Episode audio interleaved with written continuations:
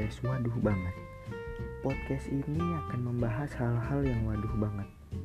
Karena gue sendiri bikin podcast ini mau bahas politik gue nggak ngerti, mau bahas konspirasi gue nggak paham, mau bahas olahraga gue nggak punya trampolin. Tapi baju Andik punya sih warna hijau. Oke langsung aja di episode 3 ini Gue akan membahas hal yang seperti biasa sangat menarik dan seru. Dan ini tuh tentang kesehatan ya teman-teman ya. Apalagi di kondisi kita sekarang ini yang lagi ada wabah Kesehatan itu sangat penting ya kan. Makanya gue harap kalian dengerin podcast ini dari awal sampai akhir ya. Karena podcast ini akan sangat seru dan banyak informasi-informasi yang aktual dan mungkin bisa kalian terapi di hidup kalian ya. Oke tanpa berlama-lama langsung aja kita buka episode 3 ini ya. Di episode 3 ini gue akan membahas kentut. Sangat seru bukan? Tentu saja. Jadi banyak orang yang merasa malu jika ketahuan kentut karena masalah perkentutan sering kali dinilai salah dari sisi etika dan kesopanan. Tapi jangan remehin kentut teman-teman. Karena orang bisa meninggal cuma gara-gara nahan kentut. Bener, jadi nih nahan kentut tuh bahaya. Kita tuh bisa meninggal gitu. Gak mau kan lu mati cuma gara-gara gak bisa kentut? Aneh banget. Jadi dalam dalam frekuensi apa ya gitu ya gitu jadi dalam frekuensi normal kentut merupakan hal yang sehat karena menandakan sistem pencernaan khususnya gerakan peristaltik usus hingga anus berjalan dengan normal. Jadi tuh kentut itu tuh pertanda kalau kita tuh pencernaannya sehat ya. Perut kita tuh normal. Itu bila frekuensinya berlebihan maka menandakan adanya gangguan di perut. Nah, tapi kalau misalkan kita keseringan kentut, itu tuh bahaya juga gitu ya kan. Jadi diem kentut, diem kentut. Nah, itu tuh bau.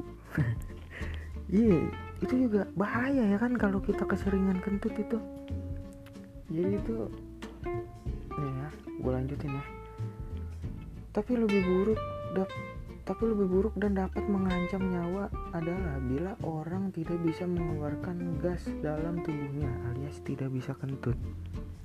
Jadi kalau lu nggak bisa kentut nih lebih bahaya gitu.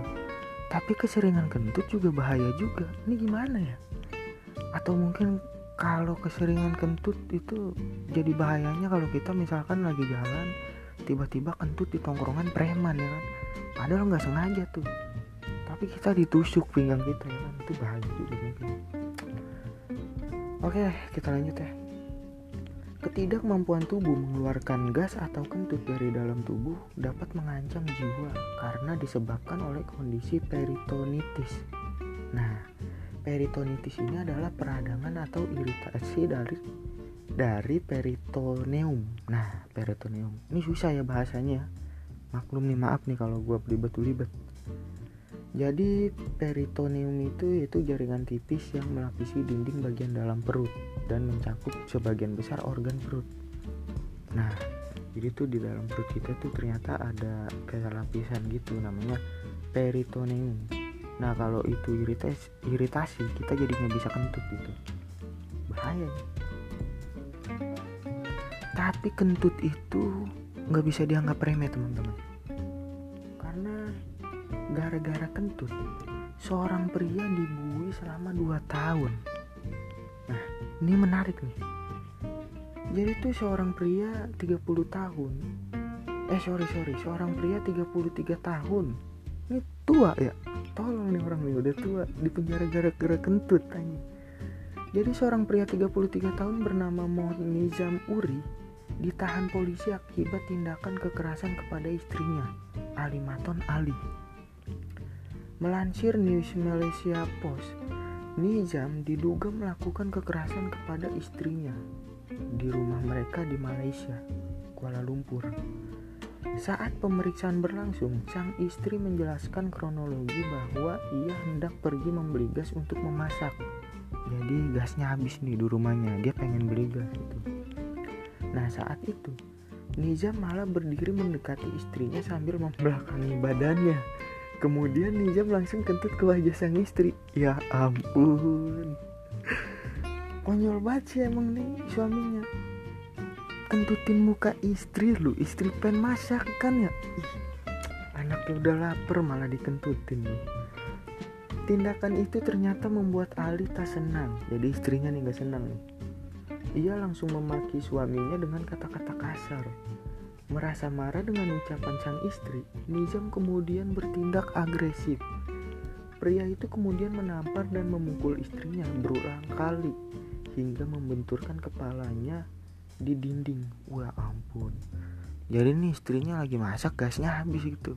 Lagi masak apa tuh? Tumis jenggot kali atau ah gue nggak tahu lah masak apa tuh gasnya habis itu mau beli gas terus suaminya denger kali ya kayak wah mau beli gas nih. Gue juga punya gas. Langsung dikentutin kali itu. Diomelin sama istrinya ya kan? Kurang ajar lu gue lagi pengen masak malah dikentutin muka gue suaminya nggak seneng dipukul tuh. Jadi bonyok istrinya kan? Tolol sih. Ah jadi di penjara kan? Jadi pria itu didakwa pasal 323 KUHP DA bagian 326A dengan hukuman penjara maksimal 2 tahun. Ia dituntut dengan denda sebesar 8.000 ringgit Malaysia atau setara dengan 28 juta. Nah, perkara kentut lu bayar 28 juta lu. Lagian ngapain sih aneh-aneh aja muka bini dikentutin. Tapi kentut juga benar-benar nggak boleh dianggap sepele gitu teman-teman karena kentut ini pernah dijadiin ajang demo gitu. Eh gimana ya? Kentut ini pernah dipakai buat demo. Nah bingung kan lu? Sama bingung. Jadi ini pernah kejadian gitu. Para pendukung Bernie Sanders rencana kentut bersama. Nah jadi ini buat yang belum tahu Bernie Sanders itu adalah politikus Amerika Serikat. Jadi dia nih punya pendukung gitu. Terus ada kayak apalah gitulah gue nggak ngerti juga kayak kasus mungkin atau lagi debat gitu pokoknya pendukungnya nih ada yang gak seneng gitu jadi para pendukung Bernie Sanders pernah mencoba menebar bau di Democratic National Convention dengan kentut beramai-ramai. Jail. Tapi pihak berwenang mencium gelagat tidak baik dan menolak mereka masuk. Ah mungkin ini udah ada yang kentut duluan nih jadi udah ngumpul ya kan tak kita kentut bareng-bareng ya di dalam. Aduh anjing melepas ke kelepasan. Sorry bang ya. Ya ampun. Jadi ketahuan ya. Cherry Honkala, penyedia sekaligus koordinator Poor People Economic Human Rights Campaign, ditemani lima orang lainnya untuk melakukan protes itu. Jadi ini ada enam orang yang pen kentut nih, pen kentut bareng. Dalam persiapannya, mereka menyantap kacang-kacangan dan makanan lain yang kaya serat sebelum tiba di gedung persidangan. Jadi sebelum dia mau demo nih, dia makan kacang tuh mau makan makanan yang berserat tuh. Apaan yang berserat itu? Kokokran sekali ya, dia makan kokokran sekali tuh. Iya maksudnya tuh agar mengirim pesan tak terlupakan kepada Hillary Clinton dan Partai Demokrat. Oh jadi nih buat kayak protes ke Hillary Clinton gitu ya kan tapi aneh-aneh aja ya ngapa kentut ya? Kan ada cara lain ya ah males mikir emang itu ah dia tapi buat teman-teman mungkin karena udah tahu informasi-informasi kentut nggak boleh ditahan tadi ya kan bahaya. Tapi jangan kentut sembarangan juga ya teman-teman ya. Jangan kalian di tempat umum tiba-tiba berat berat berat aja gitu ya kan itu juga nggak sopan gitu. Kita di tempat umum harus jaga attitude juga ya kan ya. Kita harus beretika dan jaga kesopanan. Makanya gue udah nyiapin tips-tips supaya kita sopan di tempat umum. Supaya kita nanti di tempat umum gitu. Oke langsung aja kita ke tipsnya. Tips nahan kentut di tempat umum. Yang pertama keseleo binti gulali peang. Yang kedua Bocah tujuh tahun susah diajak merem. Ketiga, Kiprana aba-aba dari deket. Keempat, tukang jahit pakai cacing.